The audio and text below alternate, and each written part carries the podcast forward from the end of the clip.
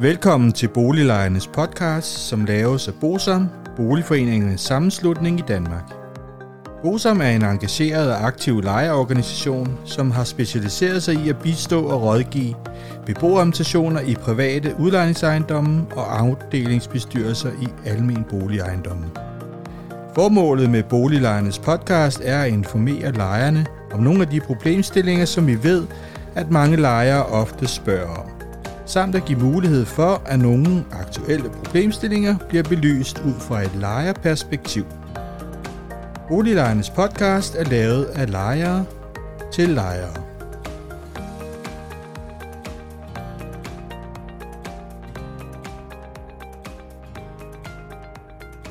Boliglejernes podcast. Mit navn er René Sur, og jeg arbejder i Bosom. I dag skal vi se på boligredegørelsen fra 2022 fra Københavns Kommune. Den blev udgivet i september i 2023. Boligredegørelsen ser blandt andet på boligmarkedet og på det fremtidige boligbehov i Københavns Kommune. Og det vil vi selvfølgelig også forholde os til her i podcasten. Overborgmesteren i Københavns Kommune, Sofie Hestrup Andersen, har skrevet forord til det, og det er jo selvfølgelig meget naturligt. Men det, jeg hæfter mig ved, det er, at hun skriver, at vores København må aldrig kun blive for de få med de rigtige forbindelser eller store formuer som London eller New York, hvor ingen mennesker med vigtige velfærds- eller servicejob kan betale en husleje. Det går ikke, meget er på spil, for hvis byen bliver kvalt i stigende boligpriser, så mister vi samtidig grundlaget for at kunne investere i grøn trafik og sikre bedre velfærd. Og Danmark ville også miste sit lokomotiv. Og i samme forbindelse med, at boligredegørelsen udkom, så kom der også en pressemeddelelse, og at den fremgår, at Sofie Hestrup Andersen ønsker at vende den tendens, der har været med, at to tredjedel af alle nyopførte boliger siden 2011 er private udlejningsboliger, og hun så efterlyser hjælp fra Christiansborg til at vende den her udvikling. Det håber vi selvfølgelig sker, men der er jo også nogle underliggende ting, som gør, at tingene er, som de er. Men det kan vi måske komme tilbage til i løbet af podcasten. Hvis vi øh, starter med at se på, hvordan boligmarkedet ser ud i Københavns Kommune, så helt overordnet, så består det jo af fire boligtyper. Der er nogle almene boliger, der er andelsboliger, ejerboliger og privat udlejningsboliger. Alt i alt, så er der ca. 336.000 boliger i Københavns Kommune. Og i Københavns Kommune, der er langt de fleste boliger etageboliger. Det er 93 procent, der er etageboliger, mens kun 5 procent er række- eller kædehus, og de sidste 2 procent, det er fritliggende parcelhus. Hvis vi sammenligner med Aarhus Kommune, som vi forholdt os lidt til for et par podcast siden, så er der i Aarhus Kommune hele 24 procent række kædehuse og 13 procent parcelhuse. Så Københavns Kommune, det er meget mere etagebyggeri end for eksempel Aarhus. De almene boliger i Københavns Kommune udgør ca. 20 procent, eller omkring 64.500 boliger af den samlede boligmasse i Københavns Kommune i 2022. En anden stor del af boligerne, det er jo andelsboliger, som er rimelig stor i Københavns Kommune. Det er hele 29 procent af boligmassen, der er andelsboliger. Ejerboligerne udgør omkring 21 procent af boligmassen, mens privat udlejning så er de sidste 30 procent. Og det er jo som sagt de private udlejningsboliger, som er størst i Københavns Kommune med ca. 98.700 boliger. Derudover så er der selvfølgelig også lejere i ejerboligerne og i andelsboligerne. Fordi at dem, der har adgang til disse boliger, også kan lege ud. Så er de i boligredegørelsen inde på, hvilke faktorer, der påvirker adgangen til boligmarkedet. For eksempel har de en faktor, der hedder tid og tålmodighed, da der kan være lange ventelister til almene boliger og andelsboliger, så kræver det ofte lang tid og tålmodighed at få adgang til sådan boliger. Den faktor, der hedder indkomst eller formue. Jo højere indkomst, jo større muligheder er der for at betale en høj husleje eller for at låne penge til en ejerbolig. Og så i takt med, at priserne på ejerboliger er steget, så bliver det også sværere at låne penge til en ejerbolig. Så har de en faktor, der hedder netværk, hvor øh, et bredt netværk kan være en fordel i for eksempel i forbindelse med køb af andelsbolig, og, og det skyldes, at mange andelsboliger sælges under markedsprisen, og hvor det er op til andelsboligforeningen at beslutte, hvem der skal sælges det. Mens det er mindre relevant at have et godt netværk, hvis vi ser på almene boliger, hvor at tildelingen sker efter en venteliste. Og så er der en faktor omkring øh, låneregler, det vil sige lånemuligheder og lånetyper med videre, og det er, at staten de regulerer jo, hvor meget man kan låne i forhold til, hvilken indkomst man har, og det har selvfølgelig stor betydning for, hvilke muligheder man har for at bo i en given bolig. Hvis vi ser på selve boligmarkedet for øjeblikket i Københavns Kommune, så er der bygget omkring 40.000 nye boliger siden 2011, og det er så især større boliger, der er kommet flere af i København, da de fleste af de nybyggede boliger, det er treværelses eller større boliger. Og så vil jeg jo for egen velkomne sige, at der er i samme periode selvfølgelig også blevet sammenlagt en del boliger. Det vil sige, at der er kommet færre mindre boliger, som jo især er relevante for enlige. Hvis vi skal se på, hvilke boliger der er bygget, så er der bygget omkring 10.000 ejerboliger. Der er bygget omkring 26.000 boliger i privat udlejning. Meget få andelsboliger og lige under 5.000 almindelige boliger. Det man også kan se er det store spring, så er det fra 2017 til 2021, at byggeriet af private udlejningsejendomme især er sket. Derudover så er mange af de boliger også private ungdomsboliger. Og hvis vi skal sætte tal på, så er der bygget 3.759 private ungdomsboliger. Og det skal jo understreges her, at der er jo ikke noget studiekrav omkring private ungdomsboliger, så det vi jo ser, det er nogle huslejer, på de her såkaldte ungdomsboliger på omkring 10.000 kroner per måned for en bolig på 30-40 kvadratmeter. Og fordelen for udlejerne for at bygge de her såkaldte ungdomsboliger, det er, at der er nogle færre krav til for eksempel friareal og til antal parkeringspladser, når man bygger ungdomsboliger. Så det er simpelthen billigere at bygge, og det vil sige, at det overskud, man får, er selvfølgelig tilsvarende større.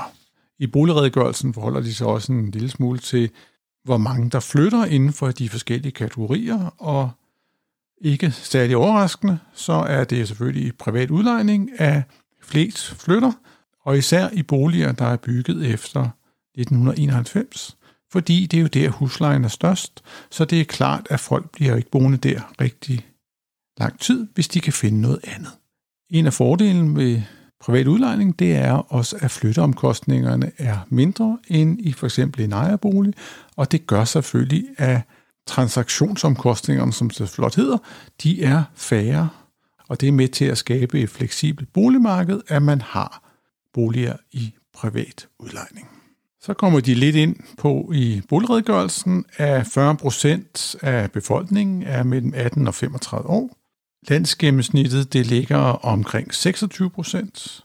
Der er også færre ældre i Københavns Kommune, lige over 10 procent, mens landsgennemsnittet er lige over 20 procent. Så har de selvfølgelig også forholdt sig lidt til huslejen i private udlejningsboliger, og jeg kan jo ikke lade være at hæfte mig ved, at de har en overskrift, der hedder Huslejen i private udlejningsboliger afspejler den høje efterspørgsel.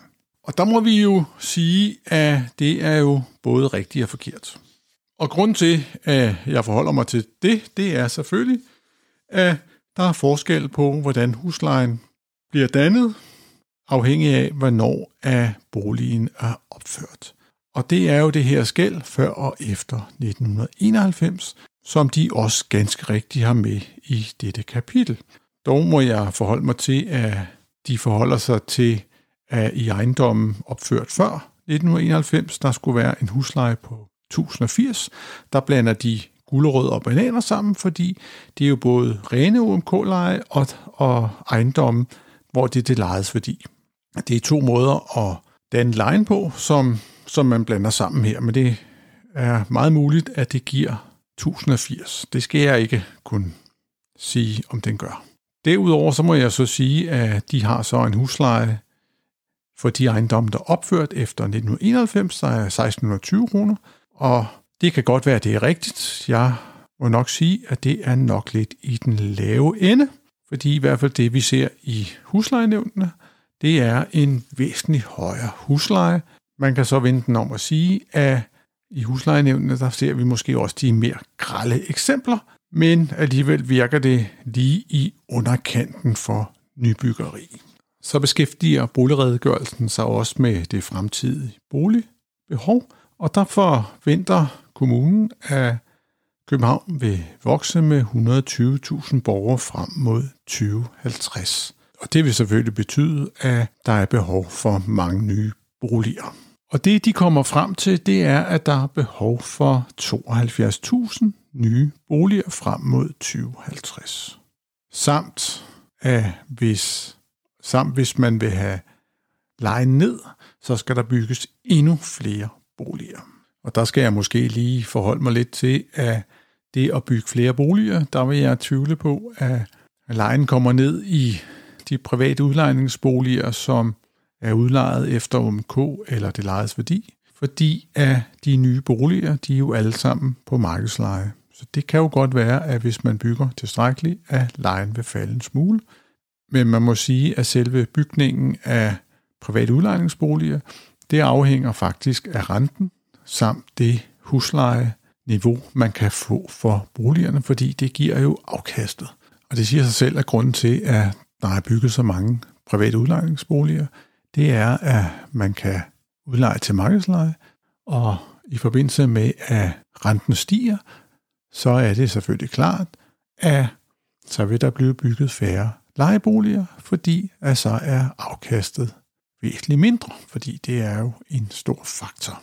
Så har de også en hel del omkring tomme boliger, hvor at kommunen ikke mener, at det at bruge de tomme boliger løser det nuværende boligbehov. Det er sådan set meget muligt, at det ikke gør det, men jeg kan jo ikke lade være at forholde mig til, at når jeg kan læse, at der er cirka 1% af boligerne, der er langtidstomme, og når jeg siger langtidstomme, så er det altså boliger, der har stået tomme siden 2015. Så synes jeg at vi har et problem, fordi der jo lige så godt være nogen, der bor i de boliger. Så ved jeg godt, at kommunen skriver, at der er nogle af de her sådan, boliger, som af den ene eller anden grund ikke har fået ændret status, og derfor ikke er reelt tomme. Men en hel del af de her boliger, det er faktisk kommunens egne boliger. Og jeg vil da sige, at man skulle da se at få rettet de registreringer, fordi det er jo ejers pligt at få ændret. Det er jo blandt andet en af de udfordringer, som man har med de nye ejendomsvurderinger, at BBR ikke er opdateret. Og der skriver de jo mere eller mindre direkte, at Københavns Kommunes egne opdateringer ikke er korrekte. De skriver oven i købet. I boligredegørelsen, der skriver Københavns Kommune selv, at den overvejende del af såvel brutotomme som langtidstomme boliger er privatejede boliger. Den største andel af de langtidstomme boliger er offentligt ejet, hvoraf en stor del er ejet af Københavns Kommune. Det vil sige, at Københavns Kommune har ingen gang selv fået rettet på de her registreringer, og det er da tankevækkende. Oven i købet, når Københavns Kommune selv skal føre kontrol med de her tomme boliger, fordi at efter lovgivningen, så må en bolig jo ikke stå tom mere end 6 uger, uden at ejer anmelder boligen ledig til kommunen. Og det er jo så kommunen, der skal føre tilsyn med dette, hvorfor at kommunen skal sige til sig selv, kære kommune, I skal gøre noget ved det her problem. Når man læser den her redegørelse, og man læser hvor mange flere borgere man forventer flytter til Københavns Kommune i løbet af de næste 27 år, så ved man selvfølgelig ikke, om det er rigtigt eller det er forkert. Men man kan da ikke lade være at tænke på, at det hænger meget godt sammen med, at man er i gang med at lave noget opfyldning ude i havnen, så man kan lave nogle boliger, og man kan sælge nogle grunde. Det, som er det tankevækkende, og det, som jeg synes, man måske skulle forholde sig til, at så længe det kan betale sig at bygge alle de her boliger til privat udlejning på markedsvilkår, så vil grundpriserne jo være rigtig høje, og det gør jo, at det bliver meget svært for de almene boligselskaber at bygge almene boliger, som politikerne jo så gerne vil have.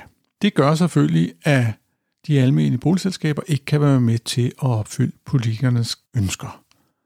Og det burde man i hvert fald se på. Derudover så er det jo selvfølgelig spørgsmålet, om man vil have flere dyre boliger, dyre lejeboliger, eller om man vil gøre noget for at bevare de billige lejeboliger, som man har i dag.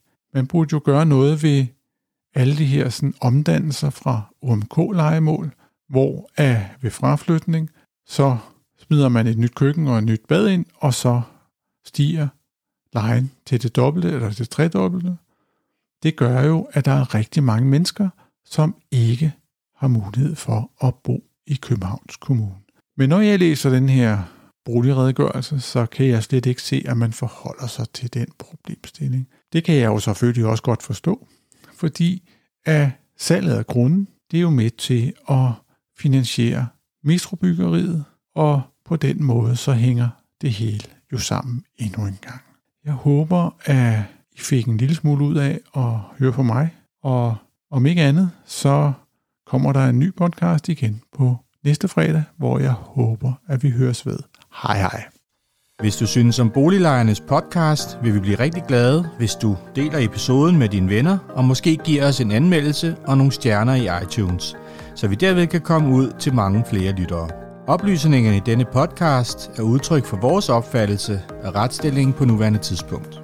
Men husk, at retsstillingen kan have ændret sig, når du hører denne podcast, da der kan være kommet ny lovgivning eller praksis på området. Den videre er vigtigt at være opmærksom på, at gennemgangen i denne podcast alene har været overordnet for at give et overblik og derfor ikke kan regnes for en udtømmende gennemgang af emnet.